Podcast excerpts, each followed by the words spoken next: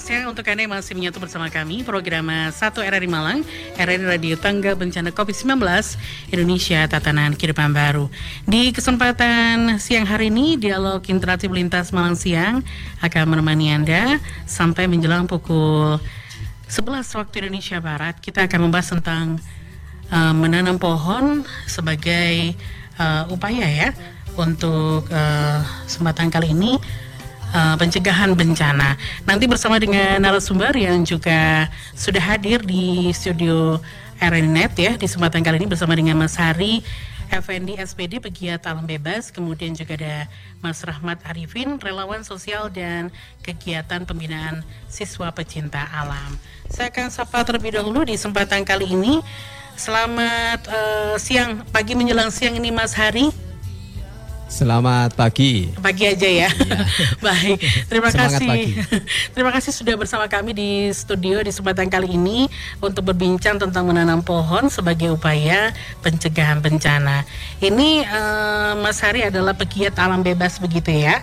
Oke, okay, ya. Mas Hari. Kemudian juga ada Mas Rahmat Arifin, relawan sosial dan kegiatan pembinaan siswa pecinta alam. Selamat pagi, Mas Rahmat. Selamat pagi, Mbak iya. Rantin. Iya, ya. terima kasih sudah bersama kami di kesempatan kali ini. Oke, okay, berbicara tentang uh, masalah pohon ini ya.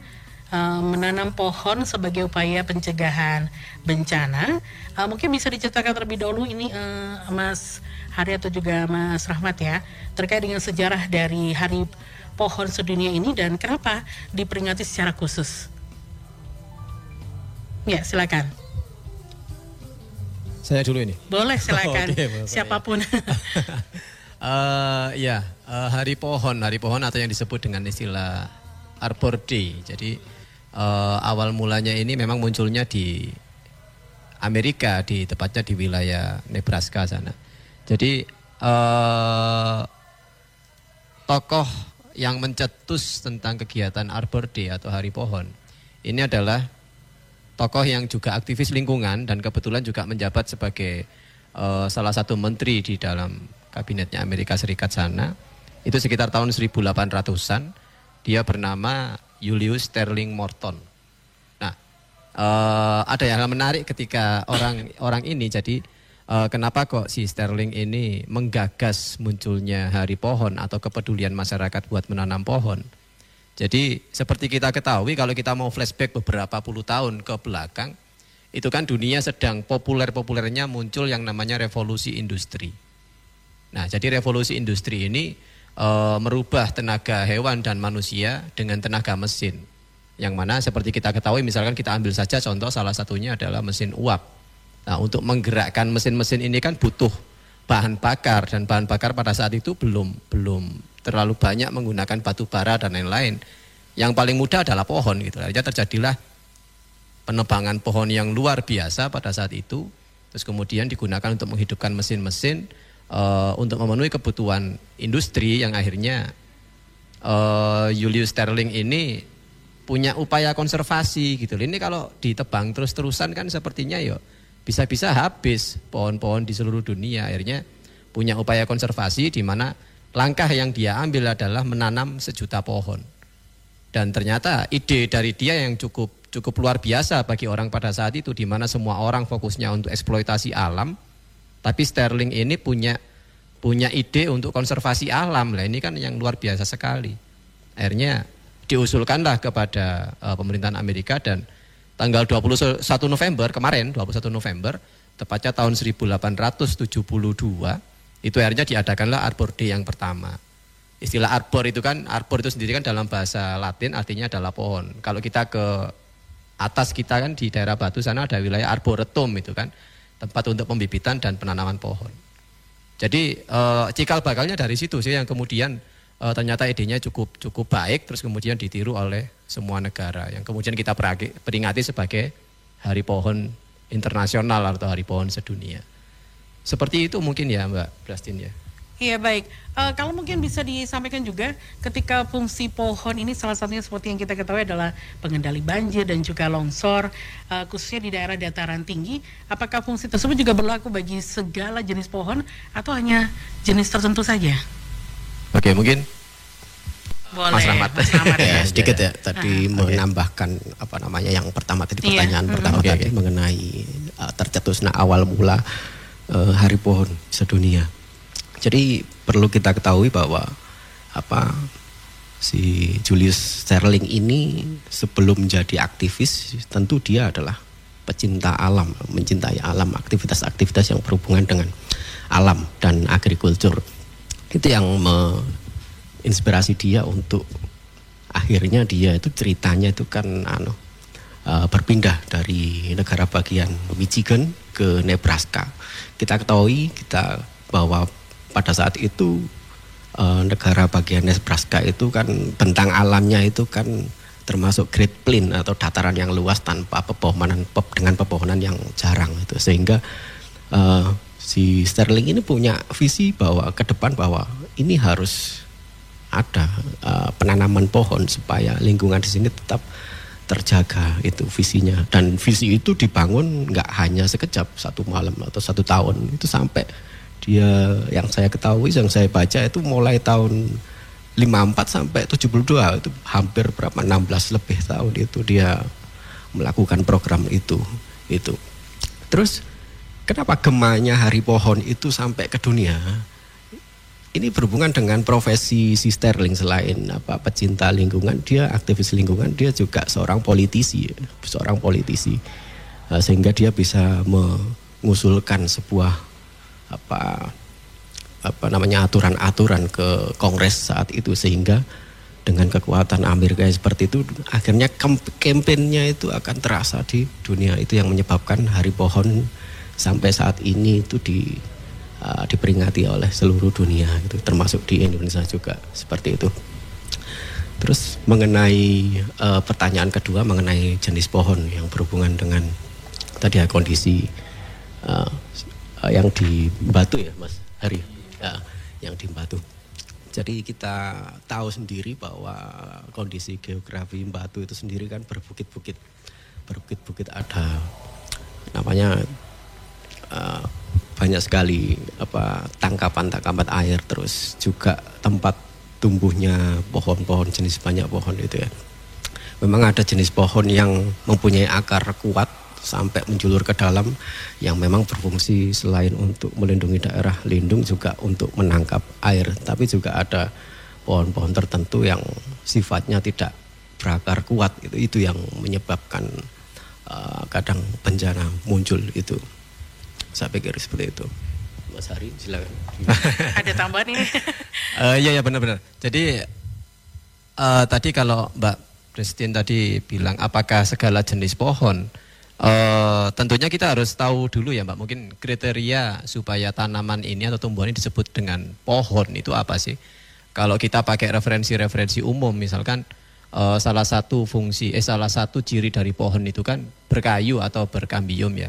Nah supaya bisa disebut pohon, kalau saya membaca di di eh, Badan Standar Indonesia itu kan disebut dengan eh, kambiumnya yang sudah mencapai 20 cm. Jadi disebut dengan pohon itu kalau sudah mencapai lep, apa diameter batangnya itu 20 cm. Kalau sebelum itu masih disebut semai atau mungkin bibit lah. Nah, eh, artinya kalau sudah menjadi pohon itu kan eh, seperti disampaikan sama Marhamat tadi itu kan akarnya atau akar pohon inilah yang menjadi menjadi faktor utama untuk menjaga menjaga erosi atau mungkin bukan bukan pengendali banjir, banjir sih mbak ya. Kalau banjir itu kan nggak bisa dikendalikan. Jadi mungkin lebih ke arah pencegahan banjir mungkin begitu ya. Jadi eh, akar pohon yang sudah menjulur jauh ke bawah tanah itu kan menjadi jalan bagi air untuk masuk nah itu kan ke- kenapa kok yang di Batu kemarin terjadi banjir itu kan karena ya tanamannya bukan tanaman-tanaman yang bisa bisa membuat air itu meresap jauh ke dalam tanah gitu artinya akarnya nggak kuat terjadilah erosi dan lain-lain. Jadi seperti itu sih Mbak kalau kalau apakah semua jenis pohon tidak tidak semua jenis pohon bisa eh, bisa apa namanya mencegah banjir maupun longsor. Jadi ada beberapa jenis pohon yang memang eh, terutama yang memiliki akar panjang jauh ke, ke dalam tanah itu itu yang bisa bisa meresap air dan dan lain-lain. Itu sih Mbak intinya, Mbak. Tapi sebenarnya pohon apa yang mungkin disarankan ketika ini juga bisa mencegah banjir hmm. agar tidak banjir lagi gitu loh mungkin. ya. Sudah Jadi, kita uh, tanam sejuta pohon tapi ternyata pohonnya nggak berfungsi untuk mencegah banjir. Ah ya benar. Jadi gini, kalau misalnya kita kan tergantung dengan kondisi kondisi wilayah juga di ketinggian berapa uh, tanaman itu bisa atau pohon itu bisa tumbuh kan begitu Mbak ya. Jadi uh, kalau misalkan kita ambil contoh yang paling dekat kemarin yang karena karena kebetulan kemarin jadi banjir ya tanggal 4 November kalau tidak salah. Jadi uh, kalau di daerah Batu, Batu ke arah atas itu kan mendekati pegunungan uh, Arjuno, di situ ada Arjuno, ada Anjasmoro dan yang lain. Daerah pegunungan itu kan yang paling mudah kita lihat dalam dalam pandangan kita sehari-hari itu kan ada tanaman pinus misalkan, pohon pinus katakanlah. Jadi ya memang lebih bagus ya memang pohon-pohon yang pohon berakar kuat, berakar bisa jauh e, menjulur ke, ke ke dalam tanah. Jadi pakai itu aja. Misalkan, oke kita tanami aja pohon pinus atau misalkan tanaman yang lain, misalkan e, akasia atau apa itu kan jenis-jenis pohon yang memang memiliki akar yang kuat gitu loh untuk untuk daerah resapan air, mencegah banjir dan juga mencegah longsor. Itu sih contoh-contohnya. Kalau misalkan mau tanam beringin juga bisa, itu kuat juga. Jadi macam-macam sih. Yang jelas pohon-pohon e, besar. Cuman ya memang itu Kenapa kok berkali-kali ditanam tapi ya juga masih banjir. Nah pohon itu sendiri kan nggak bisa sekali tanam langsung tumbuh kayak di yeah. film kartun itu kan nggak bisa. Jadi memang butuh waktu yang cukup lama gitu loh. Hmm. Betul. ya kalau Mas Rahmat mungkin ada tambahan ini ketika pohon yang mungkin uh, ingin ditanam itu seperti apa begitu? Uh, uh. Jadi seperti yang disampaikan Mas Hari tadi uh, untuk penanaman pohon jenis pohon itu tergantung kondisi alam yang pertama kondisi alam ketinggian itu terus klimat apa iklim itu mempengaruhi juga terus juga peruntukan saya ambil contoh misalnya di daerah yang seperti kars itu dengan tanah yang kesa, tanah yang keras gitu seperti kapur itu baik ditanami tanaman jati yang akarnya tuh kuat menembus hmm. tanah hmm. itu terus juga di sela-sela itu di itu ditanami sebuah kayak umbi-umbian itu seperti umbi-umbian itu saya pikir peruntukannya jenis pohon sesuai dengan peruntukan wilayah dan kondisi iklimnya. Terus untuk yang di batu seperti yang disampaikan oleh Mas Hari tadi, tanaman seperti apa namanya pinus itu sangat cocok sekali, sangat cocok sekali. Artinya pinus itu membuat uh, banyak sekali orang nggak tahu itu ada. Yang pertama lapisan atas di atas tanaman pinus selalu ada serasa serasa. Terus di bawahnya ada tanaman apa? Daun, terus ada tanah. Lah apa namanya? Serasa itu yang menyebabkan tanah di bawahnya itu lembab, selalu lembab dan mengeras. Itu yang menyebabkan air itu akan sulit untuk menggerus permukaan tanah secara langsung. Itu sedikit banyak akan mengurangi dampak bencana ketika itu benar-benar di uh, diterapkan. jalankan diterapkan benar-benar. Hmm. Terus untuk pilihan tanaman untuk perkotaan misalnya hmm. untuk perkotaan yang saya amati di beberapa kota seperti Surabaya, Semarang dan Malang itu kebanyakan itu tanaman anu ada beringin, terus ada angsana dan trembesi. Itu kebanyakan. Karena apa? Yang pertama tanaman-tanaman tersebut tumbuh dengan apa pertumbuhannya lumayan cepat gitu. Terus atap naungannya itu sangat lebar, itu bagus sekali untuk tadi Eh, proses-proses uh, apa penghijauan di wilayah perkotaan padat. Jadi pilihan saya rasa pilihan tanaman itu menyesuaikan kondisi geografis dari tempat yang akan ditanam itu saya pikir tambahan dari saya. Iya. Jadi kalau berbicara tentang pohon itu kan kalau bisa sih punya fungsi yang bisa menjaga suhu udara juga. Dan kalau di perkotaan tentu ini akan menjadi tantangan ya. Kira-kira cukup gak sih e, menjaga suhu udara itu sendiri? Apakah komposisi hutan kota yang kita miliki juga sudah cukup ini, Mas? ini menarik ini. Uh, hutan kota ya. Uh, Malang uh, memang memang kita ada hutan kota ya. Salah yeah. satunya di di Malabar, Malabar kita kenal ya ada Malabar. Mm -hmm. Terus kemudian ada juga di daerah itu di belakangnya uh, daerah Dempo, daerah Dempo. Jadi hutan mm -hmm. kota jalan jalan Kediri kalau nggak salah ya Mas yeah. Rahmat ya. Jadi yang disebut hutan kota seperti itu. Padahal uh, sesuai peraturan perundangan, uh, seingat saya Undang-Undang 26 kalau nggak salah tahun 2007 mungkin itu disampaikan bahwa uh, apa namanya pembatasan, oh, maaf bukan pembatasan, apa yang ngarani perbandingan prosentasenya. Prosentasenya untuk ruang terbuka hijau itu kan disebutkan seluas 30% dari luas seluruh wilayah. Artinya kalau sekota Malang ini Uh, seingat saya kemarin 110. Berapa? 10 km. 110 km persegi ya, oke. Terus luas RTH-nya itu hanya berapa kemarin ya? 71 ya? 71 hektar atau berapa itu ya? Jadi eh, nggak uh, sampai bahkan ya nggak jauh dari 30 persen gitu loh. Jadi kita seolah-olah tidak punya ruang terbuka hijau. Itu yang anu ya uh, sesuai peraturan perundangan uh, tahun 2000 uh, nomor 20, 26 tahun 2007 itu yang menyebutkan tentang 30 persen tapi itu fokus untuk ruang terbuka hijau publik. Jadi RTH itu ada ada dua ya, ruang RTH publik sama RTH eh, privat. Kalau RTH privat itu di pemukiman atau di perumahan masing-masing dan itu memang diharapkan uh, setiap rumah itu seharusnya punya ruang terbuka hijau loh. Cuman uh, sekarang misalkan uh, dia hanya punya rumah ukurannya yang mungkin RSS SSS atau seperti apa akhirnya kalau dibuatkan RTH sepertinya juga agak susah juga gitu. Tapi kalau memang untuk yang uh, privat yang bukan publik itu uh, diharapkan ada ada ruang terbuka hijau lah di rumah masing-masing. Tapi untuk yang sarana publik, jadi untuk komposisinya, lah ini yang cukup menarik juga karena Kota Malang ini nggak ada lima persen ya, Mas Rahmat ya, nggak ada lima persen RTH yang dimiliki oleh Kota Malang.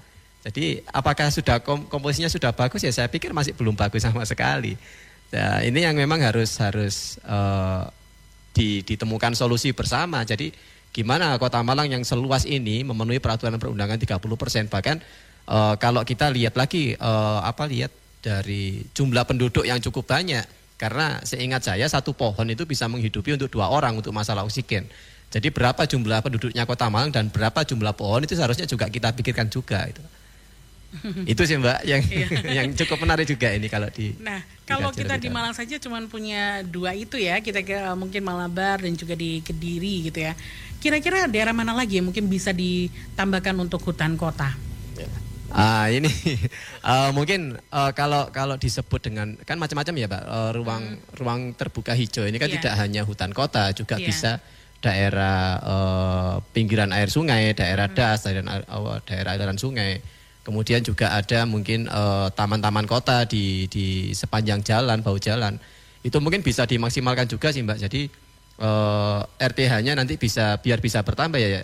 Kita perbanyak dulu tanamannya gitu loh di di kota Malang. Misalkan ya mohon maaf kalau misalkan kita jauh ke arah pusat kota Malang misalkan di daerah e, Berantas di Splendid yang kemarin kebetulan juga kena banjir juga itu kan sekarang sudah menjadi daerah daerah wisata semua gitu loh jadi seharusnya kan kalau daerah pinggiran air sungai itu lebih bagus kalau dibuat RTH itu akan akan lebih bagus lagi untuk untuk iklim di kota Malang.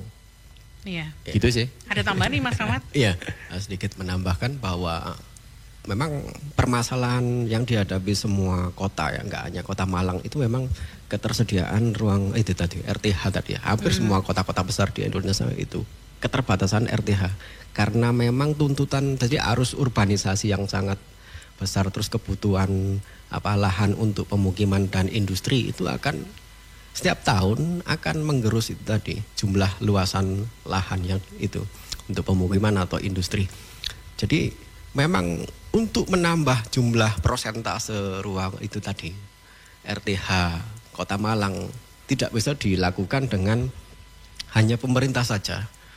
Artinya iya, tidak bisa berjalan sendirian. Artinya harusnya yang perlu digenjot adalah yang pertama regulasi uh, mengenai itu RTH yang private jadi oh, ya. ketika ada pendirian apa perumahan-perumahan baru, pemukiman-pemukiman baru itu harus diatur dengan regulasi berapa persen gitu dari bangunan itu harus ada RTH-nya. Itu yang harus dituangkan dalam regulasi dan harus diterapkan dengan ketat gitu. Harus ketat mungkin area-area yang pinggiran masih bisa itu kalau berapa 60 atau 70 persen dari luas total hunian itu bisa dibuat RTH. Itu saya pikir itu. Terus yang kedua manfaatkan tadi yang disampaikan Mas Hari bantaran sungai terus yang apa trotoar jalan terus ada kalau di jalan-jalan besar itu ada pulau jalan di tengah itu bisa dimanfaatkan lagi gitu ya. Jalanan-jalanan yang lebar untuk menanam-nanam itu. Terus juga eh, peran serta masyarakat bahwa masyarakat di sini adalah harusnya jadi pelaku motor untuk kegiatan ini seperti ini menanam pohon ini jadi hmm. harus dilibatkan Uh, contohnya apa? Yang punya apa ruang bukaan di rumahnya ya minimal satu pohon ditanam. Kalau nggak punya ya paling nggak bisa membantu pembibitan pohon seperti itu. Kalau nggak bisa lagi ya nggak nggaknya menapa merawat lah pohon-pohon yang di jalan itu jangan dirusak, dirawat kalau bisa itu Iya. dibersihkan dari gulmanya supaya sisa tumbuh sehat. Seperti itu hal-hal seperti itu yang eh, harusnya di itu Bisa dilakukan. nggak ya. masyarakat Malang kayak gitu? Lah itu ya, ya membangun bisa. iya, membangun kesadaran. kita harus memang. kita harus bisa. Memang agak susah untuk membangun Membangun kesadaran, tapi kesadaran. memang eh, faktanya jangan sampai eh, apa namanya pemikiran-pemikiran kita tentang konservasi, tentang eh, apa perlindungan lingkungan, jangan sampai itu menjadi pemikiran yang terlambat gitu loh. Artinya setelah kejadian baru kita mikir gitu loh. Jangan jadi artinya kita sudah harus punya eh, manajemen resiko bahwa kalau kita mau bikin taman di kota, tolong dipikirkan juga apakah benar ini jadi resapan air dan lain-lain atau seperti apa. Itu kan memang seharusnya dipikirkan di awal gitu loh. Jangan sampai setelah kejadian banjir. Sekarang aja loh mbak ya kita di kota Malang aja berapa titik yang bisa menjadi banjir. Padahal di sekitarnya loh di situ sudah ada tanaman tapi kok Iya. masih banjir? Berarti kan ada yang salah di sini. Iya. mohon maaf kemarin kan di perempatan eh, Raja Bali itu kan juga sempat banjir. Padahal kalau kita lihat ke arah timur di daerah Splendid itu sudah sungai gitu loh Kenapa kok di situ ada sungai tapi di atasnya kok masih banjir? Lah ini kan berarti ada apa di sini? Artinya gitu. Iya. Jangan sampai eh, apa namanya kesadaran kita baru muncul itu eh, setelah terjadi bencana ya jangan sampai seperti itu artinya kalau kita membuat apa pun kita harus benar-benar memikirkan manajemen risiko terutama jangan dilihat dari manajemen risiko profitnya atau Iya. mungkin keuntungan ekonominya tapi kita harus melihat juga konservasinya kepada alam perdagangan ini juga harus menjadi prioritas itu sih kalau menurut saya Mm-mm. Oke, artinya pemerintah eh, juga bergerak, masyarakat pun juga Ya, mendukung benar, ya. benar sekali, Oke, benar sekali. saya juga mengundang ini para pendengar yang barangkali ingin bergabung bersama kami. Jangan lupa teleponnya di 0341495850 pendengar atau juga WhatsApp kami di 081355 Kita masih membahas tentang menanam pohon sebagai eh, upaya ya untuk eh, penanggulangan bencana. Dan eh, ini juga ada yang sudah bergabung Pak eh, Bu Lili ya di Batu. Eh, bencana kan baru terjadi di Batu. Apa masih kurang pohon ini Mas? Atau sudah banyak yang ditebangi?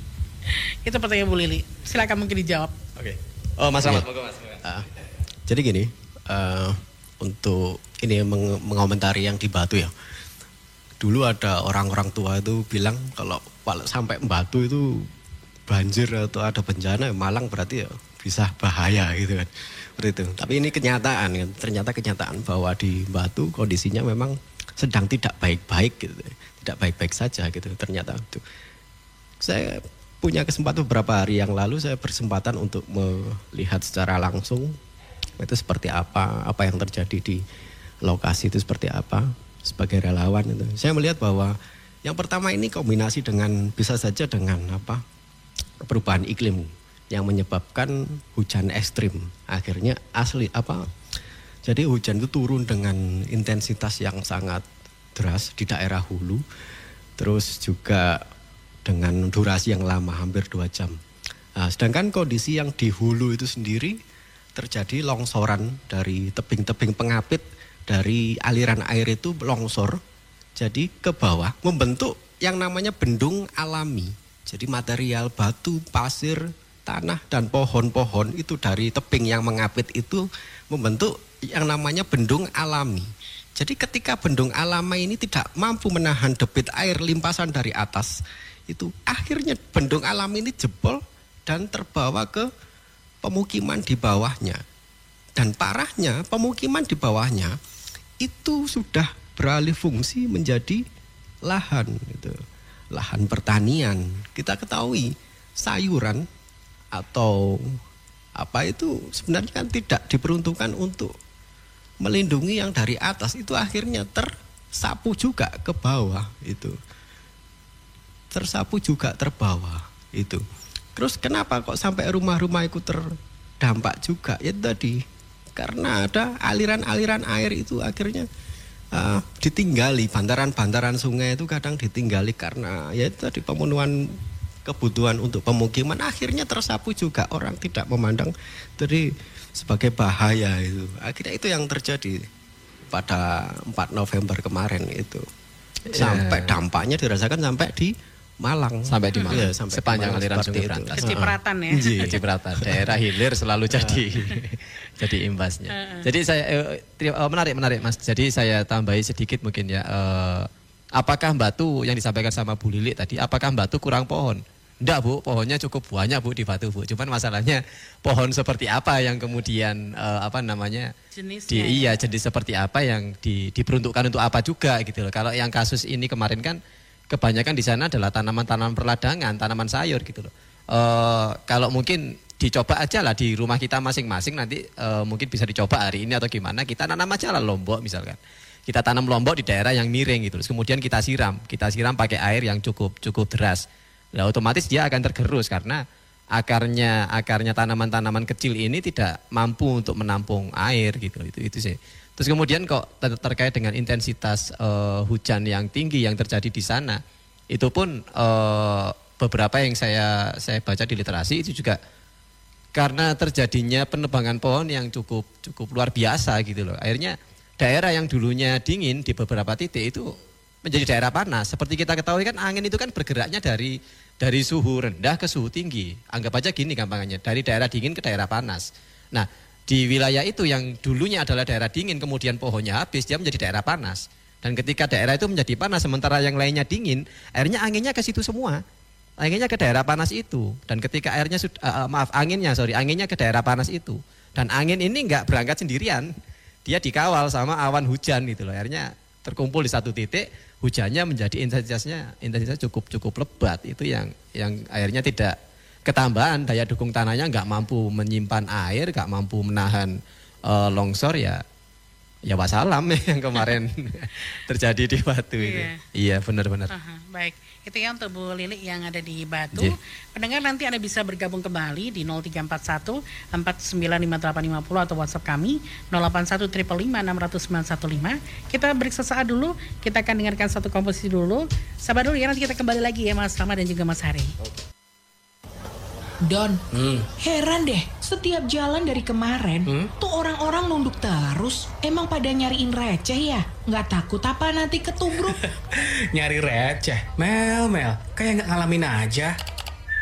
Tuh, lihat baik-baik. Mereka itu yang disebut generasi menunduk Mel. Asik sama gadgetnya. Online terus tanpa batas waktu. Menurut Asosiasi Penyelenggara Jaringan Internet Indonesia, terdapat 132,7 juta orang Indonesia terhubung ke internet. Sebenarnya nggak apa-apa sih kalau tahu waktu dan tempat. Sebaliknya, kalau kebablasan bisa bahaya banget dan berpotensi kena sindrom nomophobia. Sindrom ketakutan jauh dari gadget. Kayak kamu nih, dijelasin dari tadi nunduk terus.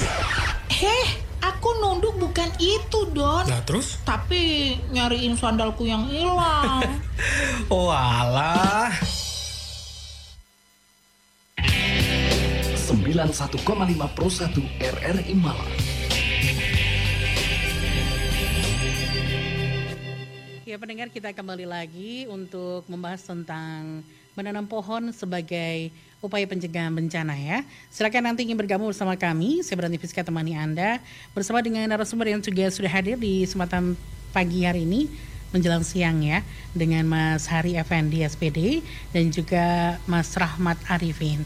Baik, kita lanjutkan kembali ini Mas eh, terkait juga dengan menanam pohon sebagai upaya pencegahan bencana. Saya juga mengundang pendengar yang bergabung bersama kami 0341495850 untuk line telepon dan juga di WhatsApp 081 600 Ya, kalau berbicara terkait juga dengan pohon ini sendiri sebagai bagian dari masyarakat yang hidup di wilayah padat seperti ini, uh, upaya apa yang mungkin bisa kita lakukan nih ketika lahan untuk menanam juga terbatas ini, Mas? Silakan Mas Ari atau Mas Rahmat. Ya. Untuk area yang padat, perkampungan padat, terus kota-kota yang padat, memang yang pertama yang sudah jadi apa namanya itu ada yang namanya vertikultur, jadi menanam vertikal. Itu sudah diterapkan di beberapa kota, itu di gedung-gedung di kota-kota besar itu di gedung-gedung tingkat itu terus ada apa rumah-rumah itu terus masuk-masuk kampung sekarang sudah ada banyak yang ada pregola, ada tanaman-tanaman hias yang menempel di dinding. Saya pikir itu vertikultur yang pertama solusi paling sederhana vertikultur. Yang kedua itu dengan pemanfaatan uh, rooftop ya, rooftop ya, itu jadi yang punya rumah bertingkat itu uh, bisa ditanami tanaman-tanaman seperti sayuran yang semusim-semusim itu yang berdaun yang penting berdaun gitu loh. Gitu. Terus yang ke berikutnya itu yang agak mempunyai lahan agak luas misalnya apa pelataran agak luas gitu bisa di uh, itu di apa tabu lampot itu ya. Tanaman buah dalam pot itu juga merupakan solusi uh, itu.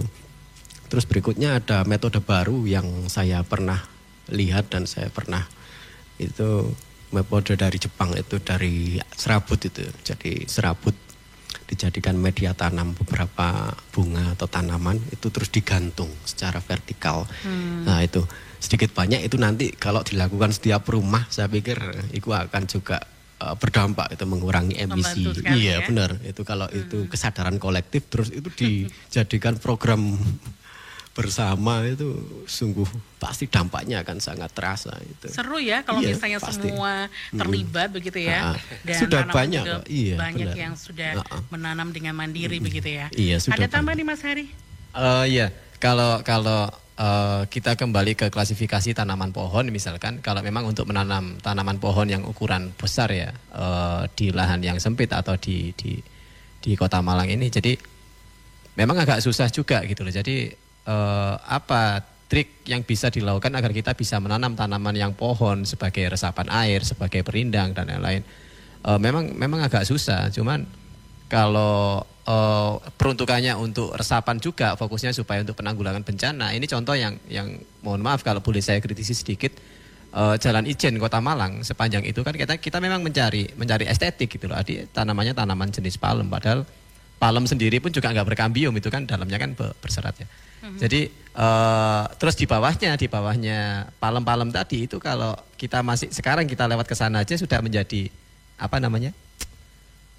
Ubin ya, keramik ya, pakai uh, keramik ya. Yeah. Dulu ketika saya masih kecil saya masih ingat di situ uh, paving gitu loh, paving. Uh. Jadi untuk resapan air juga.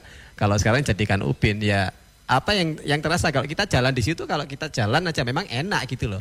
Kaki kita akan terasa nyaman tapi untuk resapan air sangat kurang sekali di situ. Jadi uh, bagaimana cara untuk memaksimalkan kita di lahan sempit? Satu mungkin uh, kalau fokusnya untuk untuk tanggap bencana jadi tanaman-tanaman yang memang tidak bisa digunakan untuk resapan air atau mungkin tidak memiliki klasifikasi sebagai jenis pohon dan lain-lain diganti saja tanaman pohon itu yang pertama. Terus kalau mungkin metode yang disampaikan sama uh, Mas Rama tadi, trik bagaimana supaya manusia juga punya kepedulian terhadap penanaman pohon, tapi lahan kita sempit, ya nggak apa-apa, kita pakai aja vertikultur, kita pakai aja hidroponik, kita pakai aja uh, apa namanya taman-tamannya di dinding yang bagus-bagus itu ya vertical garden. Bahkan kalau nggak salah memang sempat dijadikan program mungkin ya lomba kampung hijau seperti itu kan kayaknya sudah sudah ada di Kota Malang. Jadi uh, lomba-lomba terkait kesadaran warga untuk menanam di sekitar rumahnya masing-masing, entah menggunakan pot kecil atau bagaimana, tabulapo dan lain itu juga memang cukup-cukup menarik untuk kita terapkan. Dan itu pun benar, itu bisa bisa menambah uh, apa namanya produksi oksigen gitu loh. Jadi jadi biar biar nggak panas juga, kondisinya juga nggak panas. Ya ya itu sih seperti itu sih. Iya iya. Ah. Baik, kalau gitu pesan bagi pemegang kebijakan agar keseimbangan alam ini juga tetap terjaga begitu ya dan fungsi pohon yang berperan ini sangat besar dalam hal ini mungkin bisa maksimal gimana nih caranya? Uh, Oke, okay. yang yang pertama gitu, mungkin uh, sebagai contoh yang saya sampaikan di awal tadi terkait ruang terbuka hijau. Jadi membuat perundang-undangan, membuat perundang-undangan, saya pikir ya semua semua negara pasti akan membuat peraturan karena tanpa peraturan negara pasti akan kacau gitu loh. Cuman kalau membuat peraturan itu memang kita harus harus konsisten. Artinya jangan sampai peraturan ini hanya sebatas formalitas karena mungkin kenapa sih kok ada peraturan tentang konservasi? Oh dulu karena ada aktivis-aktivis dari lingkungan melakukan protes kepada pemerintah. Kenapa kebijakannya kok tidak menggagas sama sekali tentang uh, kepedulian lingkungan? Akhirnya oke okay, dibuatlah peraturan. Sekarang ada peraturan ruang terbuka hijau yang yang di peraturan tertulisnya 30% tapi faktanya Kota Malang tidak ada 5% gitu loh. Jadi uh, kalau memang e, pemerintah kalau ingin membuat kebijakan ya harus benar-benar kita terapkan dengan dengan cukup maksimal. Ya memang sih faktanya kita terbentur dengan e, apa namanya terbentur dengan kepentingan ekonomi, kepentingan pemenuhan kebutuhan manusia untuk kemudian pemukiman dan lain-lain. Akhirnya e, kurang bisa maksimal. Cuman harapannya kalau kalau membuat perundangan ya memang jangan sampai terjebak dengan apa yang saya bilang di awal formalitas gitu. Jadi memang kita harus benar-benar total. Lalu yang kedua, ketika membuat peraturan apa pun mungkin bisa di, di, digagas dulu di awal manajemen resiko terburuk apa gitu loh. Jangan sampai seperti yang sampai sampaikan di awal tadi, perundang-undangan masalah konservasi, masalah perlindungan lingkungan itu menjadi undang-undang yang terlambat. Itu kan sangat-sangat disayangkan sekali. Jadi uh, oke okay lah bisa diterangkan. Saya yakin di pemerintahan juga sudah banyak para para ahli untuk lingkungan hidup dan itu pun juga mungkin bisa dimaksimalkan juga. Jadi itu sih saran-sarannya. Jadi kalau membuat peraturan perundangan ya jangan sampai sebatas formalitas dan memang harus benar-benar kita terapkan dengan bagus. Terus kemudian manajemen resiko itu juga harus kita uh, kita gagas di awal gitu lah, kita pertimbangkan juga. Itu sih yang hmm. bisa saya sampaikan, Mbak. Iya. Jadi memang uh, jangan hanya sekedar kebijakan saja, tapi mungkin harus bisa dijalankan gitu ya. Iya, benar. Contoh satu lagi gini, Mbak ya. ya. Kebijakan yang mungkin ya mohon maaf kalau misalkan menjadi sebuah kritik, tapi saya harap ini adalah sebuah kritik yang membangun untuk kesadaran kita bersama. Uh, seperti kita ketahui di beberapa jembatan di Kota Malang itu kan sebelah pinggirnya dikasih pagar-pagar gitu ya. Harapannya supaya warga atau masyarakat tidak membuang sampah ke situ. Ya memang hmm. sudah sudah dibuat pagar, memang nggak akhirnya nggak membuang sampah ke sungai. Tapi kalau kita lihat ke daerah Pasar Gadang, timurnya Pasar Gadang, uh, sampahnya nggak dibuang ke sungai, memang benar. Tapi ditaruh di sepanjang sepanjang jembatan gitu. Akhirnya lah ini kan berarti ada yang yang nggak beres gitu loh. Dan uh-huh. setiap kita lewat ke situ, setiap hari lah coba kita lewat ke situ. Mungkin sampah yang kemarin itu juga masih ada gitu loh. Jadi ya ini yang memang harus menjadi jadi kesadaran kita bersama, uh-huh. kesadaran kolektif kalau lingkungan ini bukan masalah pemerintah, lingkungan ini bukan masalah individu, bukan masalah LSM, bukan masalah siapa pun, tapi lingkungan ini adalah masalah kita bersama. Karena uh, apa yang bisa kita wariskan kepada generasi berikutnya kalau bukan lingkungan yang bagus kan intinya kan begitu. Itu sih Mbak. Iya. Ada pendapat tersendiri nih Mas Rahmat? Uh, iya. Uh, begini, kalau saya sih fokus ke itu ya fungsi pemerintah dalam artian dinas terkait uh, mengenai lingkungan hidup. Uh, mereka memposisikan sebagai pembuat regulasi, terus juga uh, yang mempunyai pengaruh di masyarakat, gitu ya. Jadi harus regulasi itu harus benar-benar memperhatikan atau concern di tadi lingkungan dari kepentingan apa pun misalnya ekonomi memang sih memang ekonomi tidak bisa terlepas dari dari bahwa kebutuhan ekonomi kadang mengalahkan tadi uh, kualitas lingkungan tadi hmm. tapi tetap kita sudah harus berpikir semuanya semua pihak pemerintah juga dalam hari ini dinas terkait sudah harus concern bahwa ini masalah serius masalah lingkungan hidup harus diutamakan gitu inti untuk keselamatan semua orang banyak itu loh ekonomi jalan tapi kalau lingkungan hmm. rusak juga nggak akan punya manfaat yang lebih mm -hmm. buat masyarakat. Jadi regulasi harus disusun dengan sangat itu harus sangat tegas tadi. Yeah. Kalau bisa ada sanksi, libatkanlah misalnya di sini banyak sekali pakar-pakar terus juga aktivis-aktivis teman-teman komunitas itu dilibatkan dalam penyusunan sebuah regulasi mm. itu. Sehingga nanti ketika regulasi itu disusun bersama, otomatis semua pihak mempunyai tanggung jawab yang sama untuk me, apa mengimplementasikan regulasi ke masyarakat itu. Itu yang apa berhubungan dengan pemerintah sebagai tadi uh, punya regulasi. Berikutnya hmm. pemerintah sebagai punya pengaruh dalam artian kebijakan itu selalu diflorkan ke masyarakat. Harus lebih aktif dan aktif itu. Harus lebih dari proaktif turun ke masyarakat memberikan iya memberikan edukasi gitu ya. Hmm. edukasi tetap nggak boleh berjuang sendiri. Banyak sekali kok sekarang komunitas-komunitas relawan relawan-relawan itu yang juga mau digandeng untuk turun langsung ke lapangan memberikan uh, pemahaman-pemahaman ini masalahnya. Jadi bisa saja masyarakat tidak tahu apa yang terjadi dengan lingkungan sekitar karena belum mendapatkan pemahaman yang utuh gitu. Hmm. Jadi mereka nggak sadar. Ketika mereka tahu di Batu ada uh, masalah, apakah mereka juga sepenuhnya paham apa yang sedang terjadi di atas itu? Nah itu fungsinya pemerintah juga fungsinya relawan-relawan atau komunitas-komunitas memberikan pemahaman sehingga tadi terciptalah kesadaran kolektif semua masyarakat akan lingkungan gitu. Jadi tidak perlu sebuah kegiatan besar atau kampanye-kampanye itu, tapi pemahaman kolektif secara tadi bro uh, perlahan-lahan hmm. orang per orang itu itu yang akan membuat uh, lingkungan akan berubah dengan tahap demi tahap itu. Kalau yeah. dari sudut pandang saya seperti itu. Hmm. Mas Hari senyum-senyum kenapa ya? ya? Soalnya sering kali Mbak, jadi kami ya mungkin dengan Mas Rama juga sering kali kita uh, memberikan usulan-usulan, tapi ya hmm. ya juga ya sudahlah akhirnya ya ditampung gitu aja tapi tidak lanjutnya juga ada ada gitu. Dulu oh. sudah pernah kita kritik juga tentang pembangunan jalan ijen. Terus uh, tahun 2005 ketika uh, mohon maaf salah satu mall di Kota Malang dibangun juga di tengah itu kan dulu juga daerah resapan juga gitu loh. Akhirnya kita juga sudah mengusulkan tapi ya ya gak tembus itu. Oke, semoga ini akan tembus ya. semoga semoga tapi gitu jangan ya. sampai terlambat gitu Oh, loh, Mbak. iya. Oke, be- belajar dari sejak kejadian banjir bandang di Kota Batu 4 November lalu, eh, istilah deforestasi dianggap menjadi biang dari bencana ini. Kalau menurut eh, Mas-mas ini gimana nih?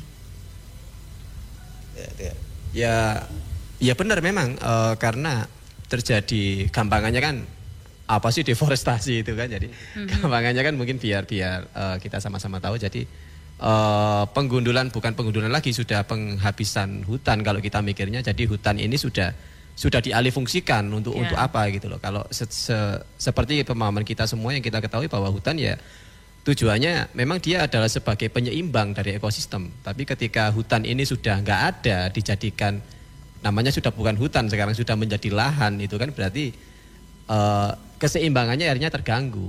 Jadi yang seperti saya sampaikan di awal tadi, kalau misalkan daerahnya dulu awalnya dingin karena banyak hutan, terus kemudian hutannya dibabat, salah satu dampaknya adalah muncullah angin di situ, angin. Kalau nggak salah beberapa bulan atau tahun-tahun yang lalu di arah yang sama, daerah yang sama juga terjadi bencana badai angin, Angin, kalau nggak salah ya, Mas ya, mhm. ke arah Cangar itu ya. Jadi kenapa kok daerah yang eh, seharusnya kan angin bergerak dari daerah dingin ke panas, di situ kan dingin. Iya dulu memang dingin, tapi ketika sudah alih fungsi menjadi lahan, adanya deforestasi dan lain-lain, akhirnya ya anginnya ngumpul di situ gitu loh, ngumpul di situ dan dia se- seperti yang saya sampaikan tadi, anginnya nggak berangkat sendirian, dia membawa mendung, bawa hujan dan akhirnya lebatlah di sana.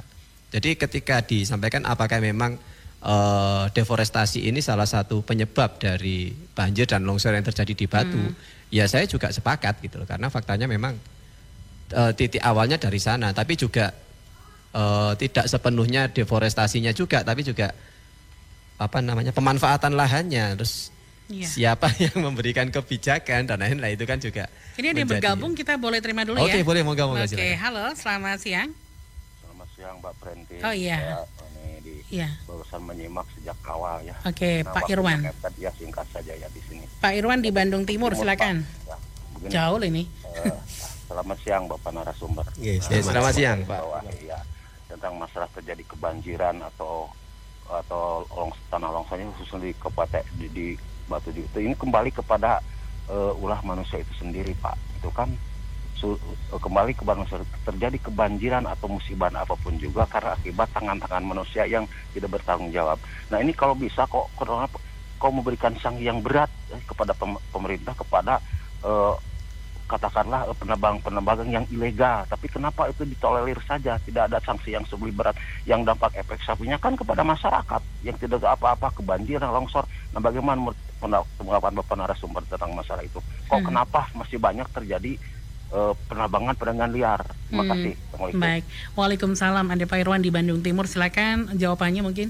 Oke, Ari terima kasih Pak Irwan. Eh, cukup menarik sekali. Jadi eh, pemberian sanksi dan lain-lain eh, kami dari dari pegiat lingkungan, gitu. kami dari orang yang istilahnya pengamat lingkungan, terus kemudian peduli dengan lingkungan.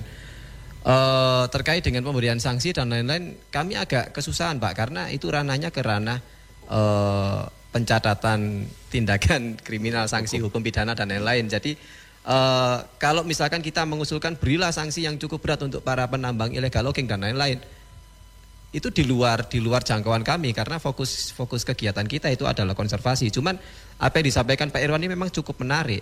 Jadi kalau kita melihat kasus ist- dulu ada istilah belandong ya di Jawa Tengah, Eh, ada istilah main kayu di mana orang-orang eh, yang melakukan pembalakan eh, hutan, pembabatan hutan di wilayah Jawa Tengah itu pun juga akhirnya bergelut dengan polisi hutan. Bahkan mereka juga sampai ya sampai main tembak gitu loh. Dan mereka juga punya senjata api juga eh, para para apa namanya pembalak liar ini.